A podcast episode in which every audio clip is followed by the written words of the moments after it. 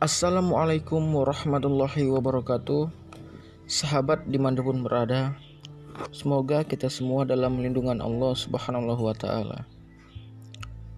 Pada situasi saat ini Kita sama-sama tahu bahwa Ini adalah situasi yang sulit Di mana pada zaman ini Allah turunkan ujian kepada manusia seluruh dunia Yang bernama virus corona atau COVID-19 virus ini sangat-sangat berbahaya karena telah menewaskan ratusan juta manusia.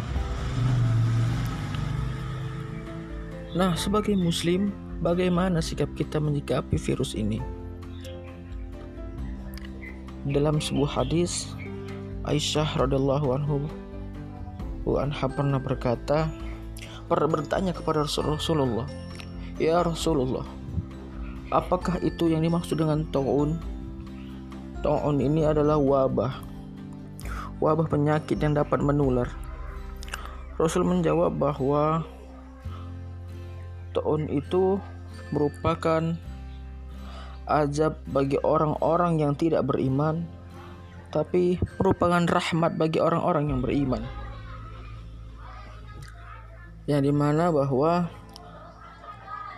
Ta'un ini sebagai azab untuk menegur manusia agar tidak bersifat sombong kepada Allah dan beribadah hanya kepada Allah.